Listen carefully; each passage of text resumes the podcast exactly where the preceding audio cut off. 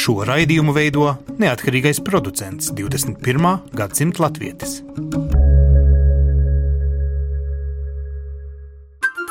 Lai kur mēs būtu, Lai kur mēs būtu, Lai kur mēs būtu, Lai kur mēs būtu, Tie esam mēs. tie esam mēs. mēs. Tie esam mēs. Mēs.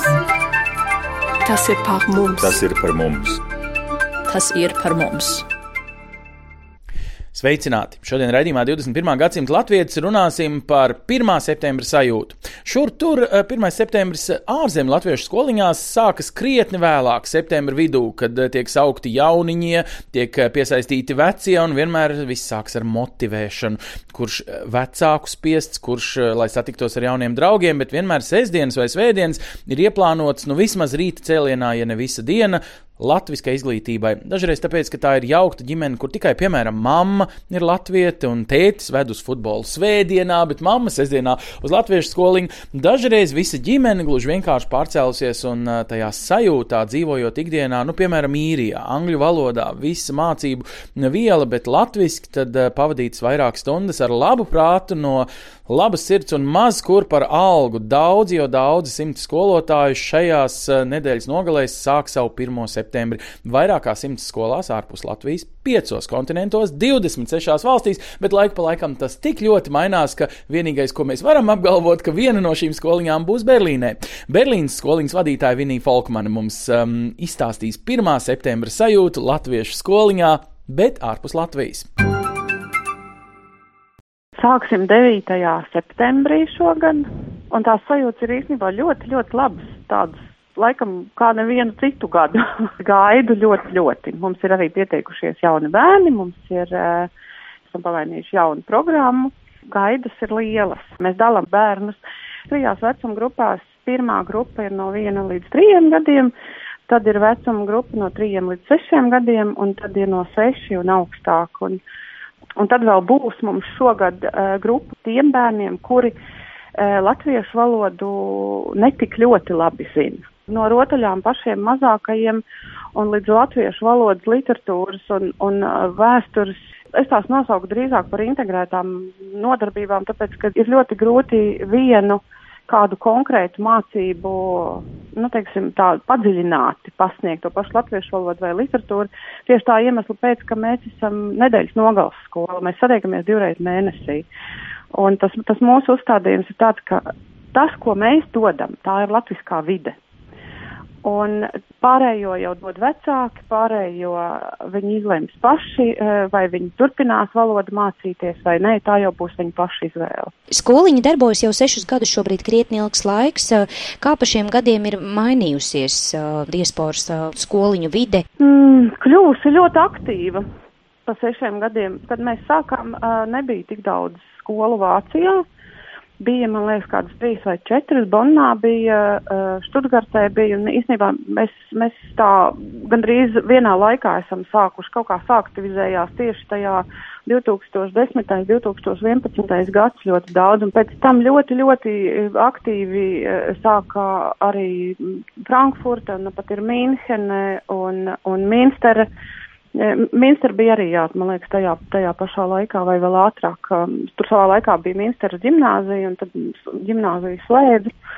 Šas skolas uh, sadarbojas ļoti, ļoti labi savā starpā. Mēs, mēs draudzējamies, mēs atbalstam vienu otru, mēs uh, dodam padomus, idejas, uh, pamudinājumus, un tas ir īstenībā ļoti jauks un labs pasākums, ka mēs varam tā draudzīgi sadzīvot.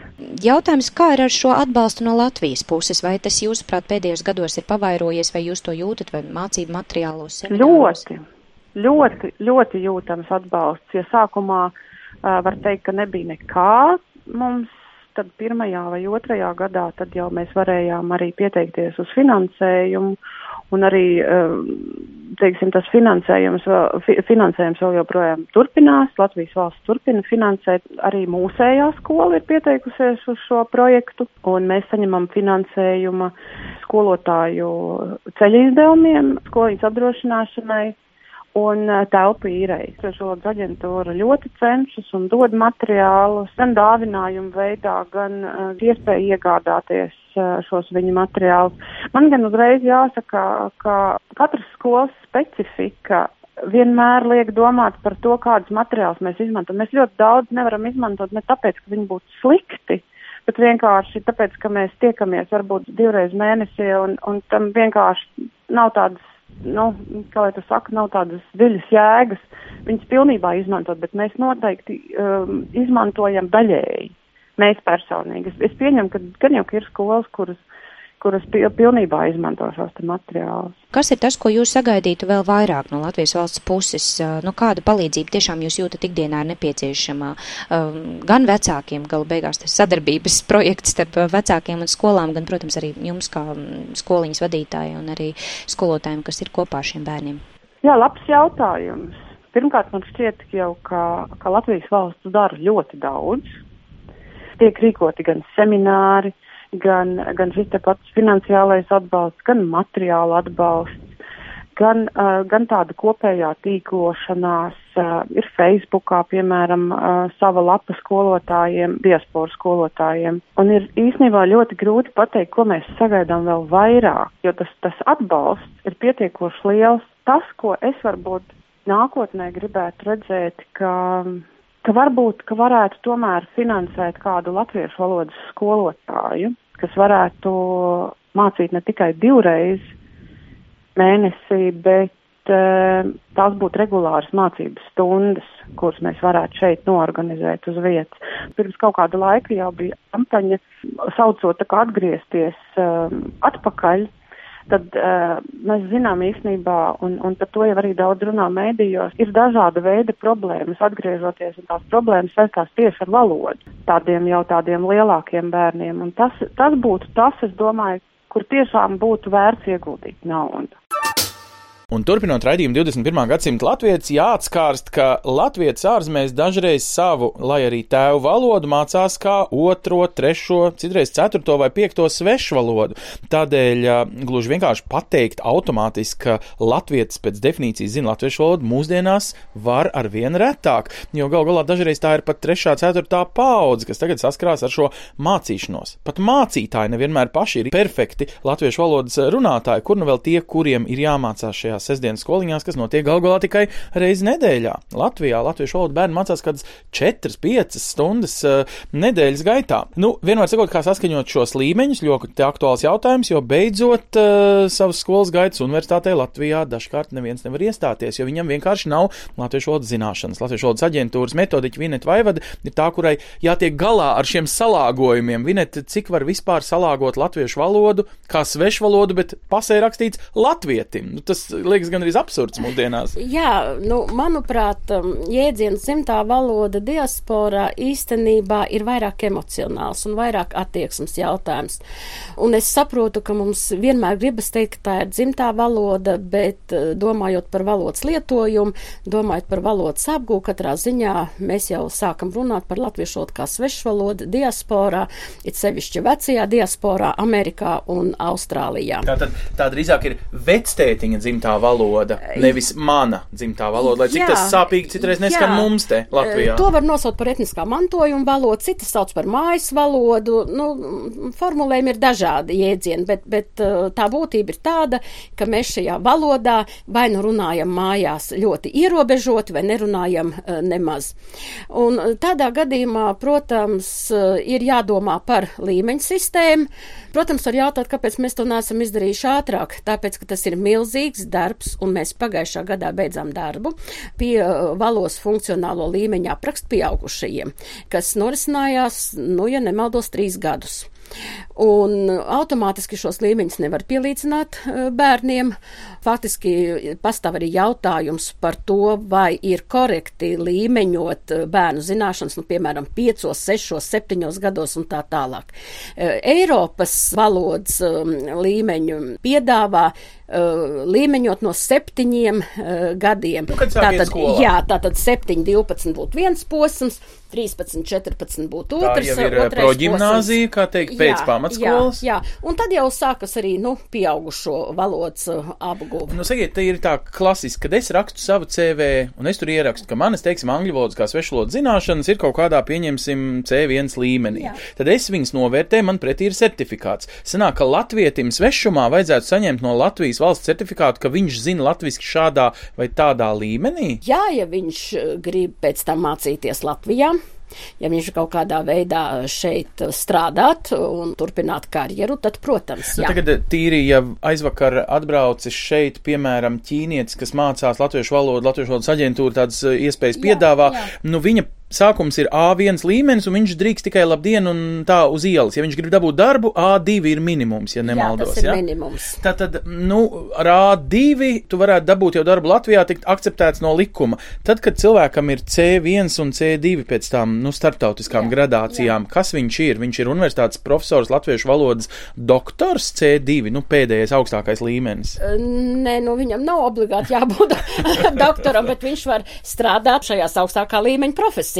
Nu, Jā, bet, teiksim, vadīt eh, viņš var. Bet viņš ir obligāti pabeidzis uh, universitāti un ir visumā inteliģents cilvēks, vai jebkurš vidusskolnieks jau ir C2 līmenī, kad dabūna uh, vidusskolas diplomu Latvijā parastajā sistēmā, lai saprastu. Nu, mūsu sistēmā C2 viņš saņem jau 9. klasi beidzot. Aha, par ko, protams, kādreiz bija diskusijas, Jā. bet pašlaik vairs Labi. diskusija Tātad nav. C2 tu esi apmēram starp 14, 15, 16 Jā, gadīgi ja tu ļoti labi kārto, tie apmēram ir, es samalošu, par to būtu jāinteresēs viss tā, bet man liekas, ka 2-3%. Nu, kas Bet, nokārto šo... jā, jā, vai tas būtu C1, man liekas, ka C1 ir tas gala, bet ir ļoti maz, uh, Jā, teiksim, bet, Vinet, bet tas, nu, tā tad reāli tiem, kuriem tā varbūt ir tiešām trešā svešu valoda, un viņi sestdienas skoliņās latviešu valodu mācās, tāpēc, ka mamma grib, nevis, Jā, ka pašam ir jā. motivācija. Tā tad viņus gradēt kaut kur starp A1 un C2 ir ļoti grūti, jo arī motivācija ikdiena un, un, un citas lietas ir, ir pilnīgi savādāks. Tad vispār vai viņus drīkst gradēt, lai viņi savā CV ierakstītu, ka viņu mājas valoda,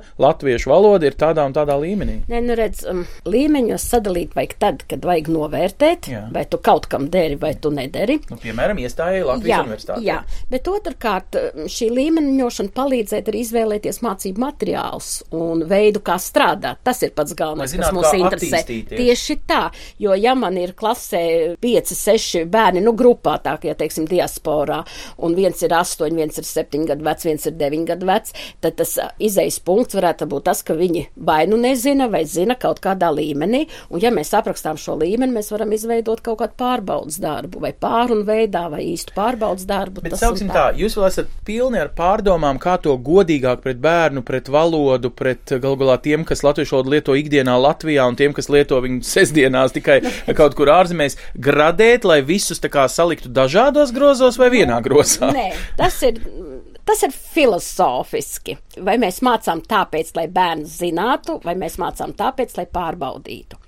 Īstenībā skolotāji iebildes par to, ka viņiem ir grūti strādāt un viņi nespēja novērtēt bērnu, ja nav līmeņi, neiztur kritiku. Jo katrā grupā skolotājs viņam ir ļoti daudz līdzekļu, kā noteikt bērnu zināšanas. Tas ir vienkārši sarunas ar bērnu, tas ir sarunas ar vecākiem. Mēs vairāk diasporai piedāvājam šādu variantu. Bet, eh, nu, diasporā skolotāji ir tādi paši kā Latvijā, bieži vien visu pārbaudīt, visu salikt pa plauktiņiem. Nu, kā bet skolotāja darba vērtējums jau arī ir caur bērnu sekmēm. Arī viņa veiksmes šajā gadā vai neveiksmes direktors parās vai paslavēs, ka iestājās, Jā, neiestājās. skolotāja darbu nosaka ne tikai šis vērtējums, kuru viņa var piemērot vienam vai otram bērnam, bet īstenībā bērnu iepazīšana klasē. Nu, jā. Un tā var strādāt. Nē, protams, ka šie līmeņi ir vajadzīgi, bet tie ir vajadzīgi. Tiešām, teiksim, no septiņiem gadiem ļoti uzmanīgi, saprotot ar to, ka bērns mēnešu laikā, divu mēnešu laikā var mainīties, apgūst viņa dzīves pieredzi, kļūst savādāk. Mēs esam pašlaik kategoriski pret līmeņiem, eh, tur piecu, sešu gadu vecumā. Bet labi, kā formāli pārbaudīt, teiksim, visu lielāko daļu mūža Vācijā nodzīvojuši jaunieši, tur arī dzimuši, tur skolu pabeiguši jauniešu līmeni, nu, teiksim, 12. klasē viņš tiešām sāk domāt, ka Latvijas universitātē tiešām ir programma, kurā viņš, Latvijas pilsonis vai dubultpilsonis būdams, arī varētu iestāties. Tajā brīdī viņam patiesībā pašam vajag to certifikātu, vai ne? Tas ir Jā, par ko diaspora jā, ļoti jā, bieži jā, runā jā, pēdējā laikā, jā. ka šie jaunieši no ārzemēm tiek devi vai atstumti no Latvijas augstākās Bet tas izglītības. jau ir pieaudzis cilvēks, un tas nav stāsts par eh, bērniem un, pusauģiem. Mums nu pat bija gadījums, uh, Solvita Lazdiņa bija pie Jā. mums, un viņai meita beigus vidusskolu ir Vācijā. Un viņa gribēja iestāties uh, Latvijā, un viņai ir jānokārto mm, šis centralizētais eksāmens latviešu valodā. Bet meita ja? visu savu mūžu skolā gājusi Vācijā. Šeit, nē, šeit, šeit tikai jā. vidusskolu Vācijā. Aha.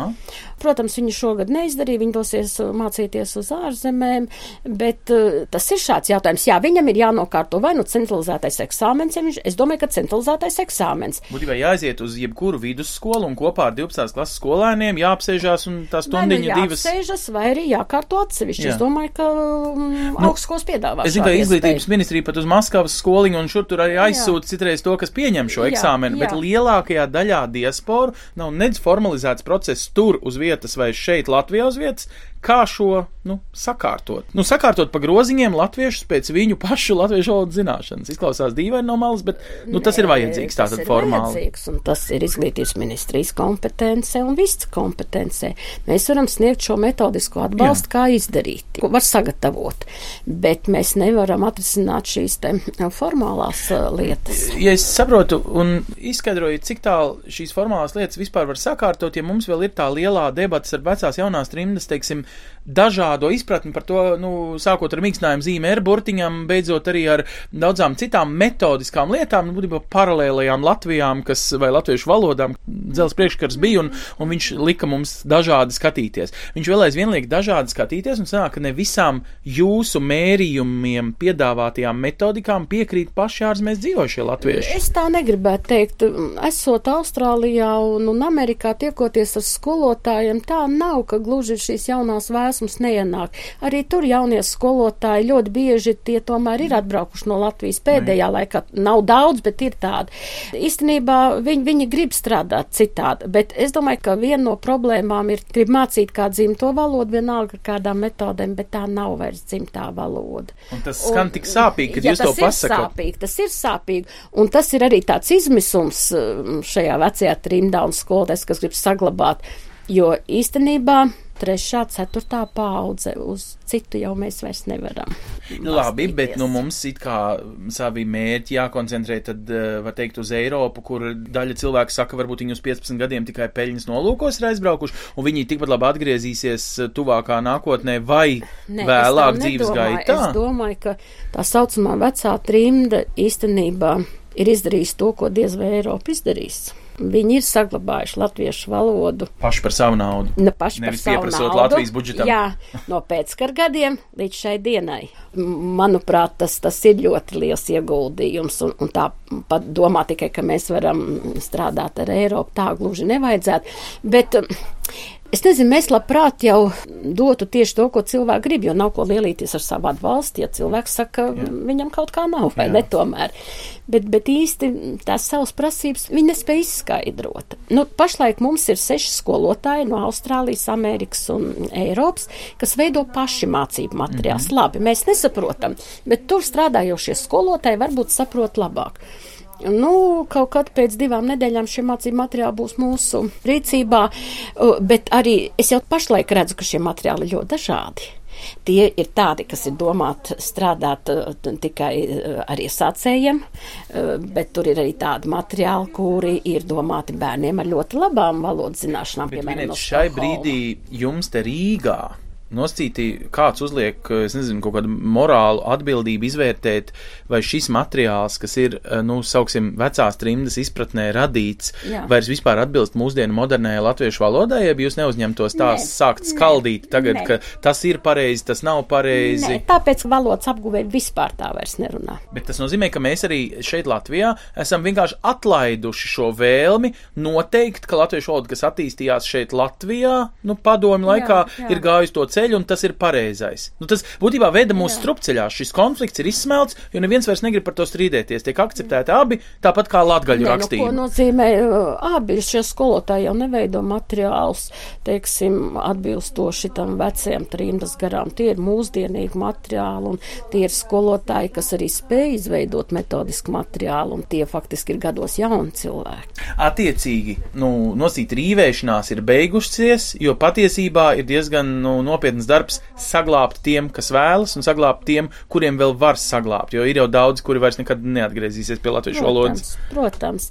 Uh, es gribēju teikt, ka es nezinu, cik tālu mums tas izdosies, bet šobrīd mēs gribētu likt akcentu uz vasaras vidusskolām. Proti Garazers, Garazers, Austrālija, jā, kur vēl? Un, un Eiropā. Tiek domāts par to, ka Eiropā. No Eiropā gan ir laikam fiziski notiek Latvijā Tā- pēdējos jā, gadus šī jā, vasaras bet, vidusskola. Nu, viņi, protams, grib Eiropā.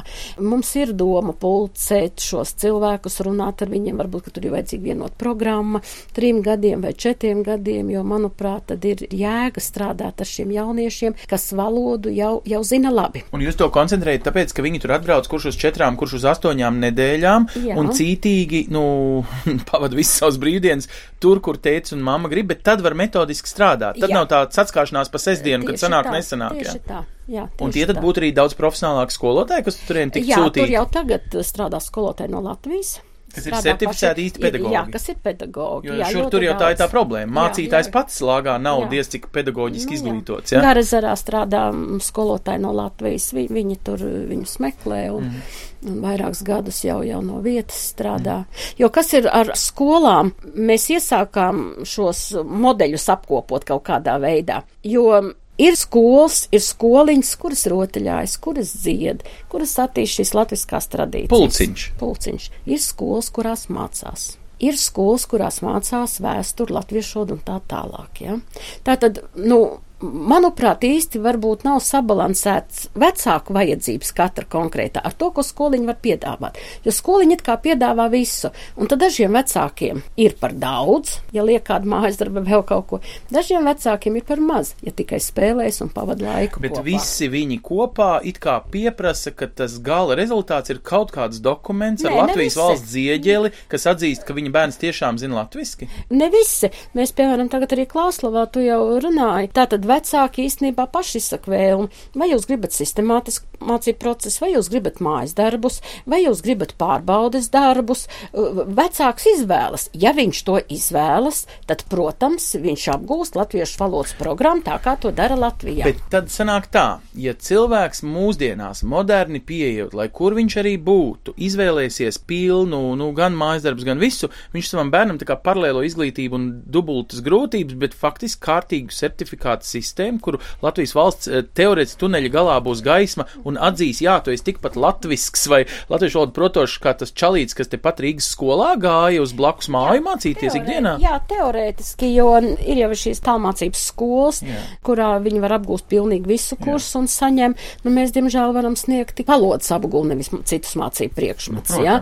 Uh, Protams, jautājumi par to, ko viņš saņem galā. Nu, ja, teiksim, deviņus gadus uh, viņš mācās, Jā. vai kā svešu valodu, vai kā dzimto, šie jautājumi nu, nav atrisināti vienkārši.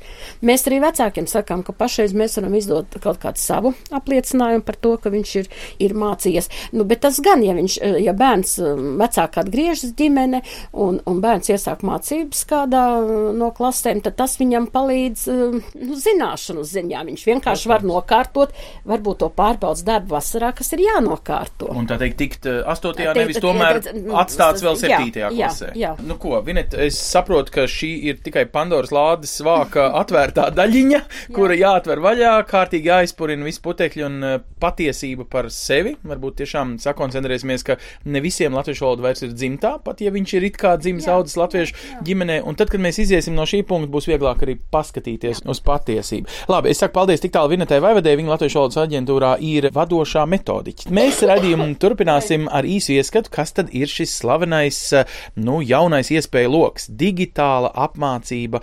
Pat ja jūsu sestdienas vai svētdienas skoliņa nav tik tuvu jūsu adresē, jūs vēl aizvien varat mācīties. Turklāt skolotājs varbūt pat ir Latvijā un jūsu skolēns, nu, teiksim, Austrālijā. Jāsaskaņo laiks un jāsāk. Tie esam mēs. Mēs Mēs. Vēl viens jaunums, eh, lai kur mēs arī būtu, latviešu bērni vairs uz skolu nevarēs neiet ar eh, atrunāšanos, ka skola ir piemēram 1000 km tālu. Eh, Jo, lai kur latviešu bērns dzīvot, ja vien mamma to vēlētos, nu jau ar Latviešu valodas aģentūras gādību ir radīta speciāla tālmācības skola, pagaidām tādā iesildīšanās stadijā, un skolas gandrīz direktori. Proti, projekta vadītāja ir Santa Kazāka šeit, Latviešu valodas aģentūrā. Santa, tad kā tas turpmāk strādās? Skolotājs būs būs Latvijā, bet skolēns principā jums ir vienalga, kur viņš ir. Galvenais, lai laika zonas sakrīt. Tieši tā. Šobrīd uh, mums skolotāji ir Latvijā, bet ar laiku mēs ļoti ceram, ka skolotāji būs arī citur pasaulē. Teorētiski pat Austrālijas skolotājs mācīs uh, latviešu bērniņu Amerikā. Arī tā tas ir iespējams, ja skolotājs cilvēks, kurš tā tad vēlas mācīt latviešu valodu, viņš zina, kā to dara, viņš ir apguvis šo te specifisko vidi, kurā mēs nodarbības vadām, tad arī ir vienalga, kurā vietā pasaulē atrodas skolotājs. Bet skolas, teiksim, tas serveris, kurā skola ļaus satikties abiem, gan skolotājiem, gan skolēnam, principā stāvēs Latvijā, te Latvijas ielā Rīgā, kurā, nu, tad tā kas tas ir? Digitalizētas latviešu valodas grāmatas, kaut kādas darba burtnīcas, jo visi jau saka, ka tālmācībā citreiz skolotājs nav vajadzīgs. Jūs sakat, latviešu valodai vajag gan. Vajag gan. Patiesībā mūsu tai sistēmai varētu būt arī tā, ka nav uh, tieši vajadzīgs skolotājs.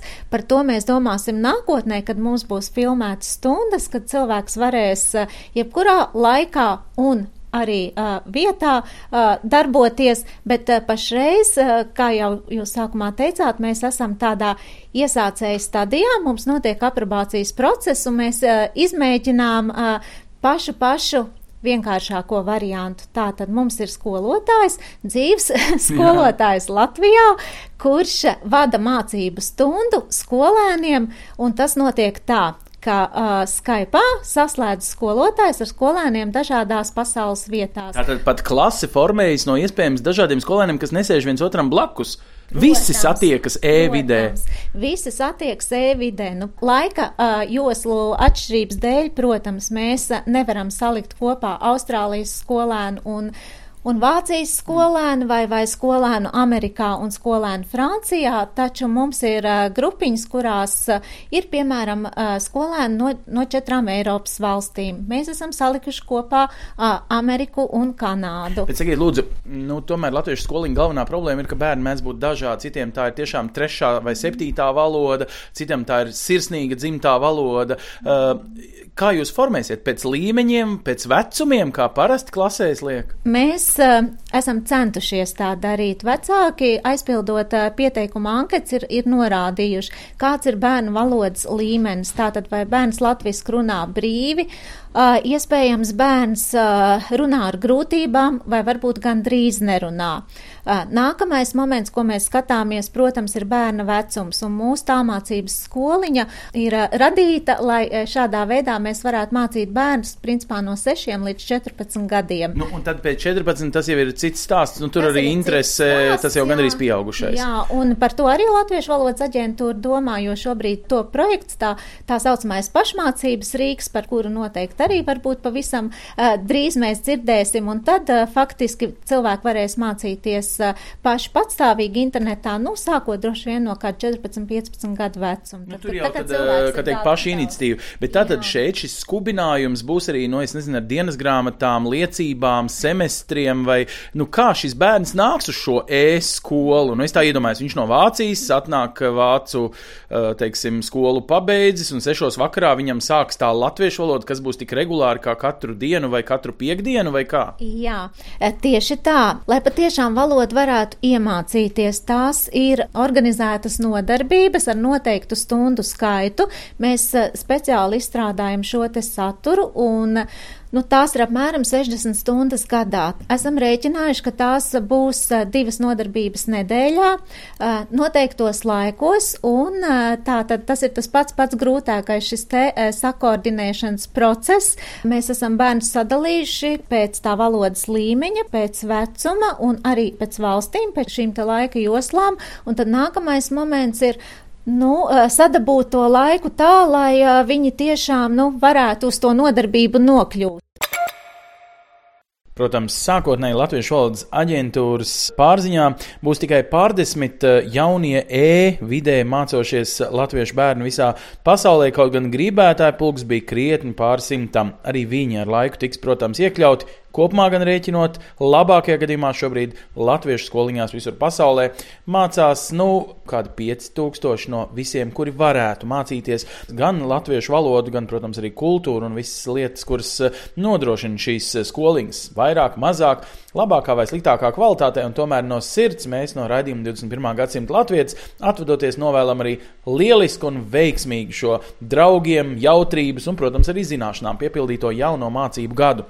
Starp citu, atvadamies arī ar īsu pārskatu par to, lai kur jūs arī būtu, kamēr jūsu bērns ir piemēram latviešu skoliņā, ko jūs, vecāki, latviskā vidē kopā sanākuši, varat darīt visos pasaules kontinentos. Tiekamies pēc apaļas nedēļas!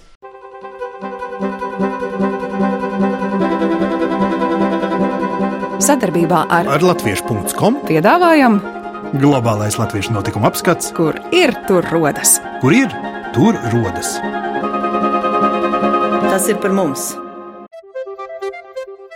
Šodien, 10. septembrī, īrijas pilsētiņā Tulovā norisināsies Latviešu bērnu pulciņa Cielaviņa jaunā mācību gada pirmā nodarbība. Bērni zināšanas iegūst rotaļās, dziesmās un dejās, tāpat arī lasot grāmatas un iesaistoties dažādās radošās aktivitātēs. Cielaviņā darbojas divas vecuma grupas, un jaunākajā grupiņā piedalās bērni jau no trīs gadu vecuma. Nodarbības notiek divas reizes mēnesī, no 12. līdz 16. un vairāk par to stāsta pulciņa Cielaviņa nodarbību vadītāja Līga Vaļģe.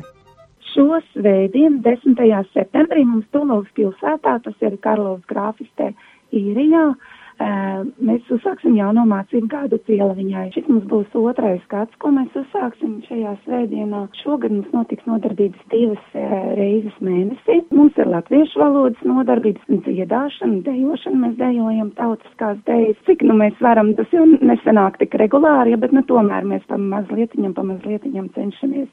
Tad ir dažādas radošās nodarbības, gan vizuālo mākslu, gan piedalāmies arī dažādos projektiņos, cenšamies piedalīties tāpat tām bērnu žūrī, kur bērniem saņem grāmatas no Latvijas un tad lasa. Un ar šo gadu mēs arī esam tagad ieplānojuši pieaugušajiem nodarbības, gan masāžu, gan no polimēra māla, trauciņu gatavošanu. Nu, tā sanākt kopā, radoši padarboties, aprunāties un arī tajā laikā, teiksim, ja nav kur atstāt bērniņus, tad mums būs bērniem kino vakars, rādīsim kādu latviešu animācijas filmiņu. Tā kā visi laipni aicināti. Nākamnedēļ tautieši aicināti apmeklēt dažādus mūzikas koncertus. Piektdien, 15. septembrī, Beļģijā, Šopēna dienas laikā Brīseles Karaliskajā konservatorijā līdzās citiem daudzsološiem savas paaudzes talantiem uzstāsies arī lieliskais latviešu pianists Vestards Šimkus. Savukārt populārās mūzikas cienītāji īrijas galvaspilsētā Dublinā varēs izbaudīt leģendārās latviešu grupas Jumprava koncertu pavējam. Un sestdien, 16. septembrī, Anglijas pilsētiņā Vizbečā viesosies pašmāju mūzikas mūziķi Sabīna Berezina, Rasela un Edvards Grieze. Tāpat nākamnedēļ tautieši apmeklēs dažādus sarīkojumus Zviedrijā. Ceturtdien, 14. septembrī, Zviedru Latviešu biedrība aicina Stokholmā noskatīties arhitektes Katinkas Šartau prezentāciju par Kuldīgas vecpilsētas centra atjaunošanas darbu. Kuldīgas vecpilsētas Ventas senlēja ir iekļauta UNESCO pasaules mantojuma Latvijas nacionālajā sarakstā, savukārt nākotnes plāns ir to pieteikt UNESCO pasaules mantojumam. Savukārt sestdien, 16. septembrī, Stokholmas Latviešu skola aicina piedalīties Stokholmas Latviešu jauniešu klubiņa pirmajā tikšanās reizē. Klubiņš darbosies Stokholmas Latviešu skolas paspārnē, un tā galvenie mērķi ir nodrošināt dažādas jauniešus interesējošas aktivitātes, kā arī veicināt sadraudzību starp Zviedrijā, Latvijā un citur pasaulē dzīvojošiem latviešiem un nedēļas izskaņā 17. septembrī Latviešu apvienība Gēteborgā aicina tautiešus noskatīties izrāžu apvienības Pannas teātris piedzīvojumu komēdiju Bruņota un bīstama ar populāro aktrisi Zane Daudziņu galvenajā lomā.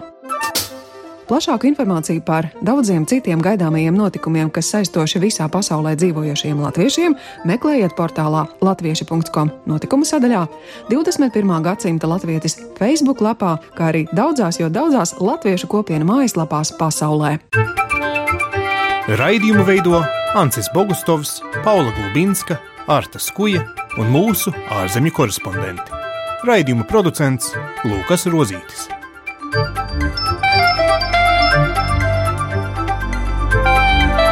Lai kur mēs būtu, lai kur mēs būtu, tas ir par mums. Tie esam mēs. Tas ir par mums. Tie esam mēs. Tie esam mēs. Tie esam mēs.